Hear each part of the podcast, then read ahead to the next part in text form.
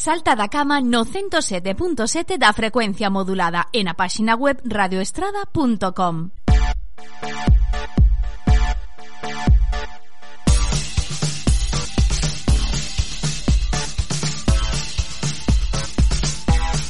Como decía ao principio do programa, hoxe é o día mundial de loita contra a depresión e quen nos leva acompañando durante estes 10 meses dándonos consellos para ter unha mellor calidade de vida e unha mellor saúde mental é Verónica Barros a cal xa recibimos aquí en Salta da Cama. Moi bo día.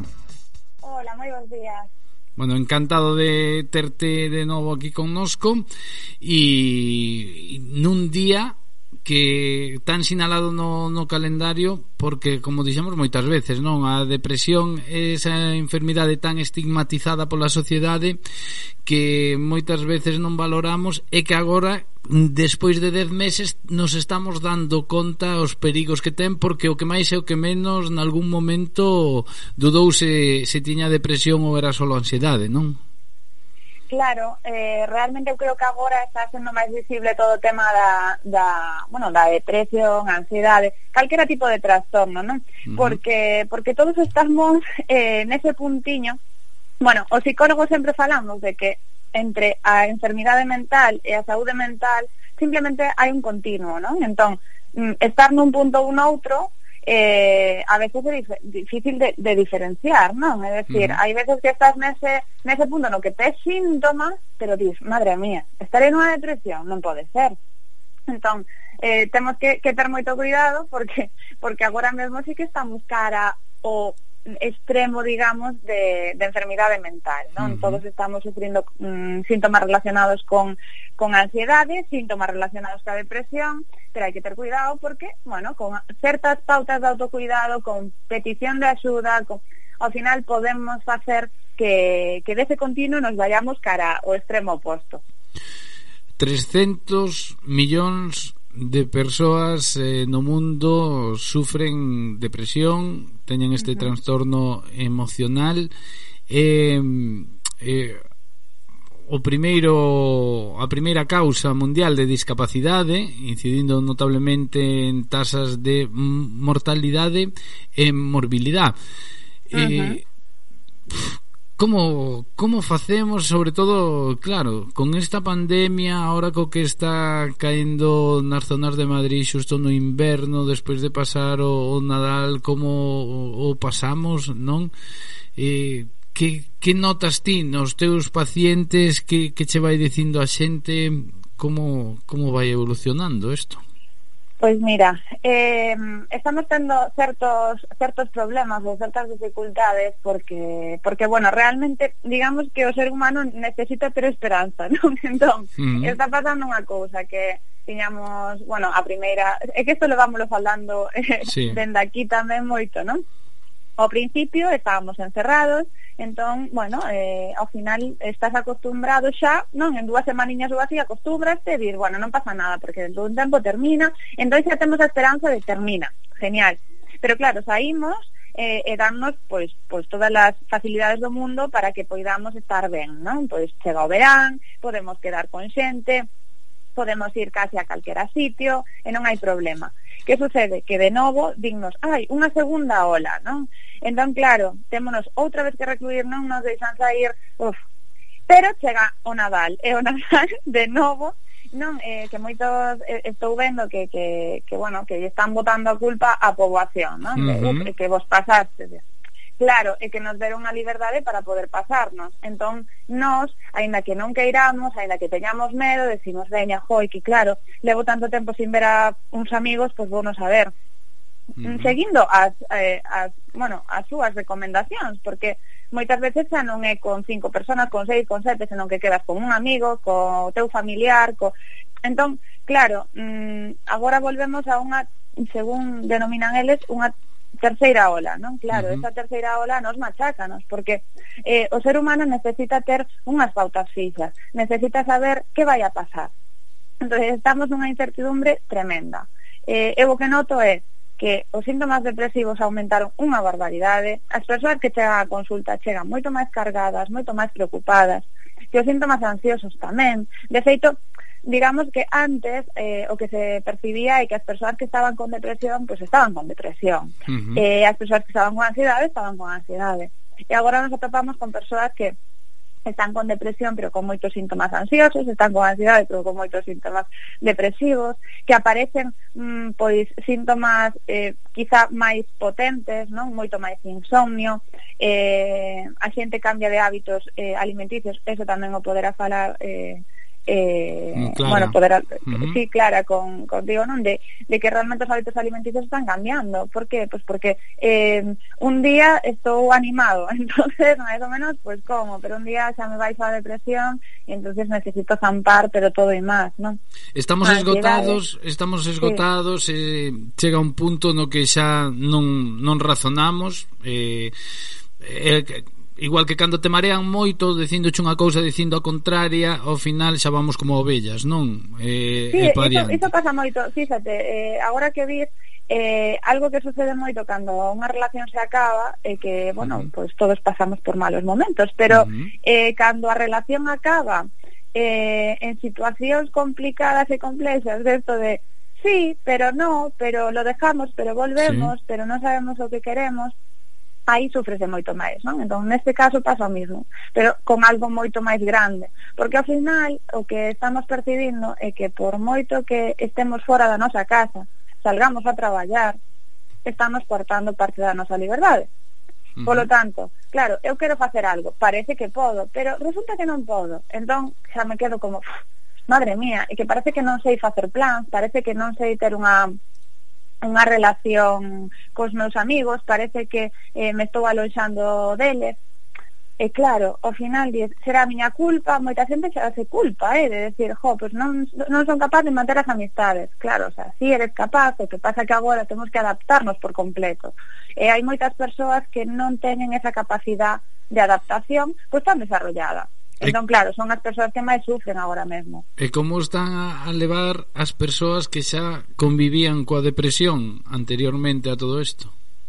pois iso agrava moito máis. Eso que acabas de decir ti de que a depresión é un dos dos síntomas, bueno, das, dos trastornos con máis uh -huh. como comorbilidade, eso que quere decir é que ten máis relación con outros trastornos, non?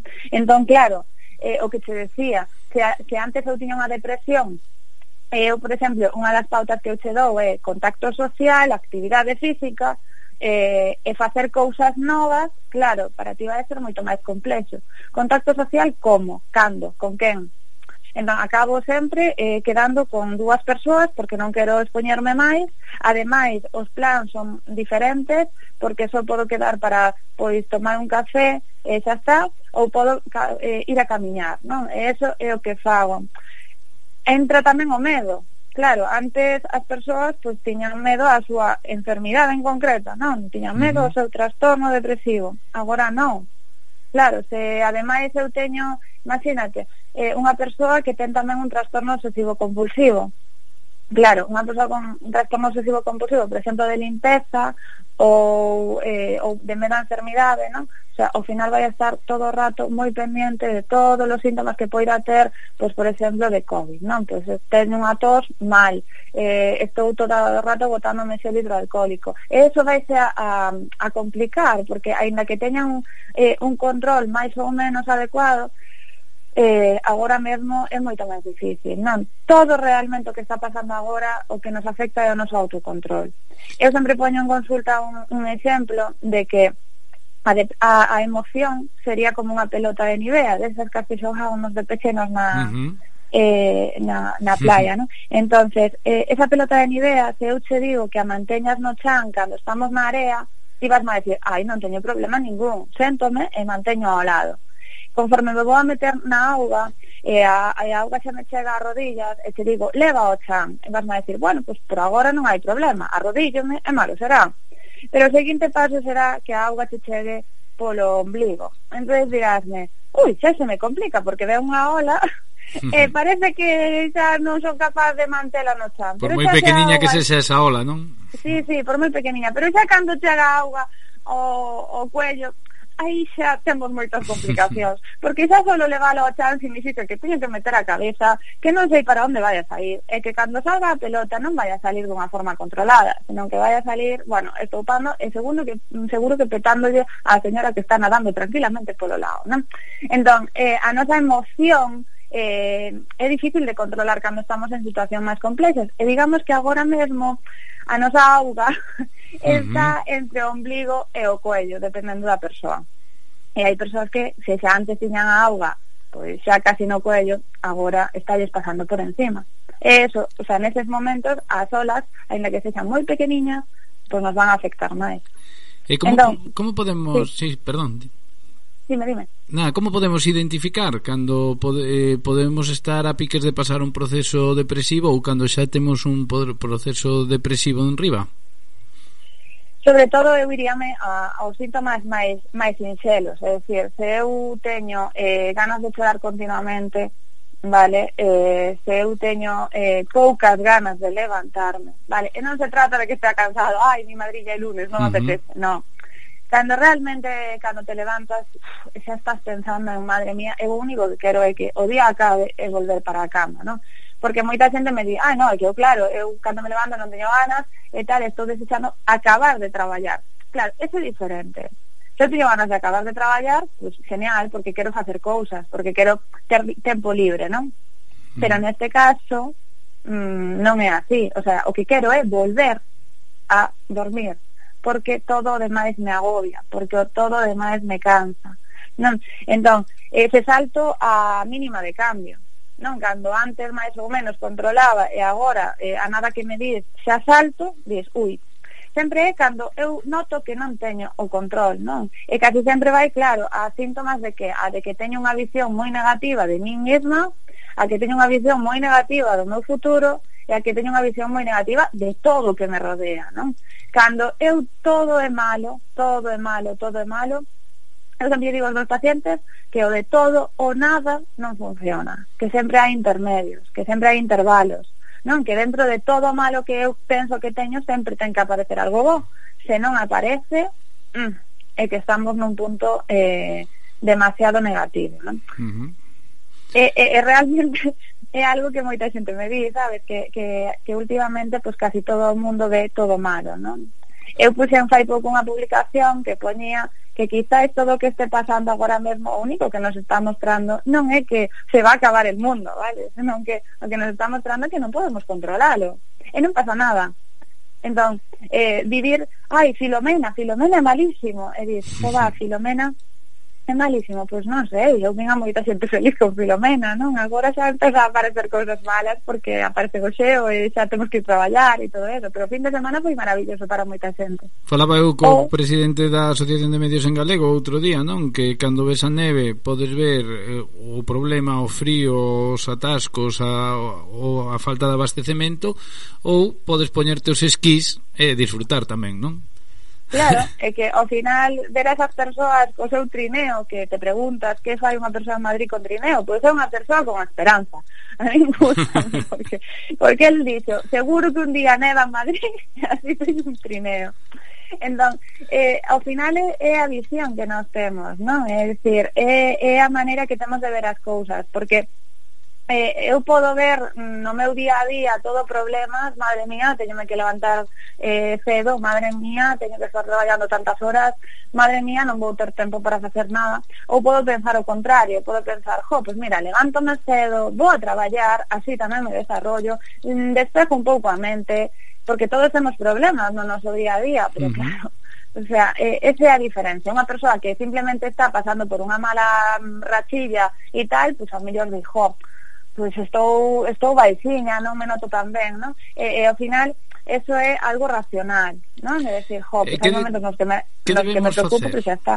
Que debemos facer cando empezamos a notar que eso, que estamos baixos, que igual por nós mesmos non damos saído e que vemos todo negro, é, e o que pasa moitas veces que ti dis, bueno, igual son eu que o vexo todo negro, pero preguntar yo do lado está igual ou peor. Diste, que pasa aquí? Pero... Pois pues fíxate, esa é unha pauta moi boa. A que, o que acabas de decir, eu sempre digo, mira, manterse informado é boísimo. Lóxicamente non podemos estar aillados do mundo. Agora ben, con collao, na súa xusta medida, vale? E se eu sei que estou eh, mal e eh, preocupado pola situación na que estou e tal, o de comentarlo por do lado temos que ter cuidado, temos que saber con quen falar, vale? Eu sempre digo que eu non vou a, a, a o sea, eu sendo psicóloga, non, dáse por sentado que eh, todo o mundo me pode contar os seus problemas, é eh, lógico, non? Eu, a verdade é que teño unha predisposición maravillosa e innata para iso. Pero sí que é certo que cando teño un mal día, Mm, pois a mellor non teño que coller o teléfono. O igual non, Home. non son psicóloga 24 horas, non? Son, claro, pero, é o meu traballo, non? Claro, pero hai días que non pasa nada porque estás forte, porque dices, mira, eu hoxe podo falar con quen queira, porque aínda que me veña fatal, eu vou estar super, super ben, non? Teño agora mesmo unha, unha tranquilidade, teño a miña auga polos pés, non a teño polo cuello, e é todo maravilloso. Agora ben, ao mellor se me chama unha amiga ou un amigo para contarme un problema, un día deses que eu xa estou moi baixiña, o mellor vai a ser que eu non collo o teléfono. Claro, eso non o podo facer continuamente, porque ao final, uh -huh. senón a, a miña rede social tamén...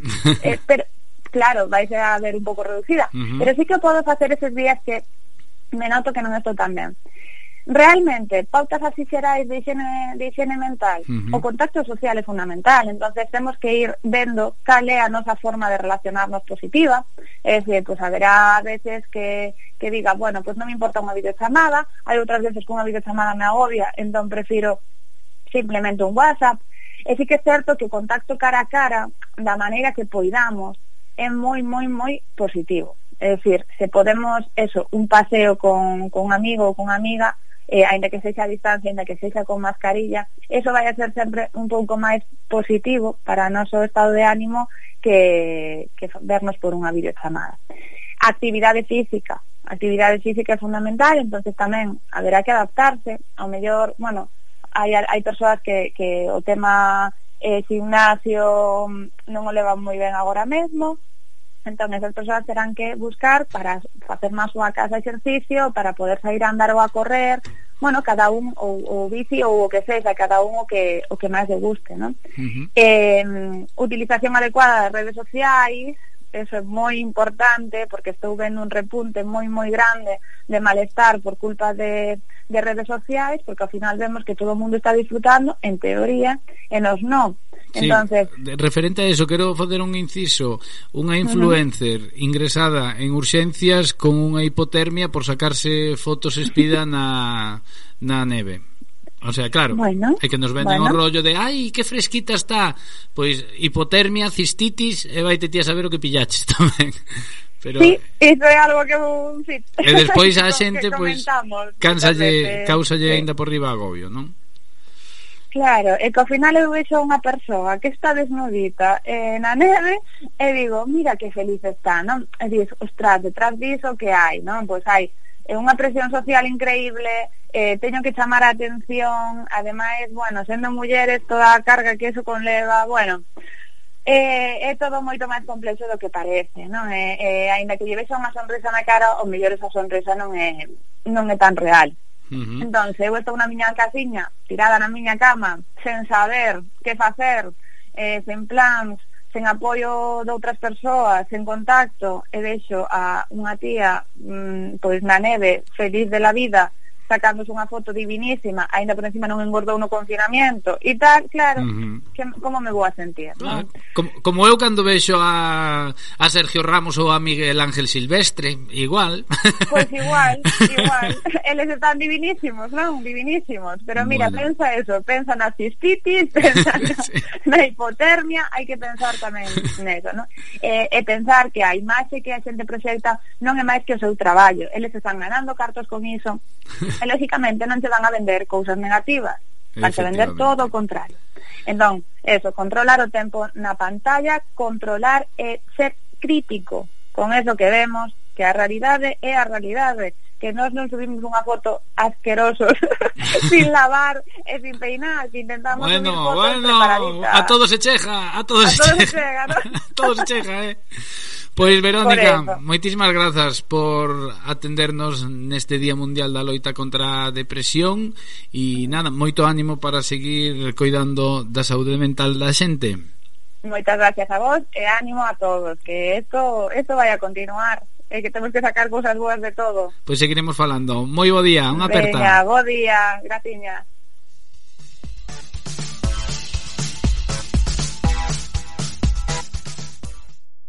unha radio viva e o servizo da audiencia, Radio Estrada.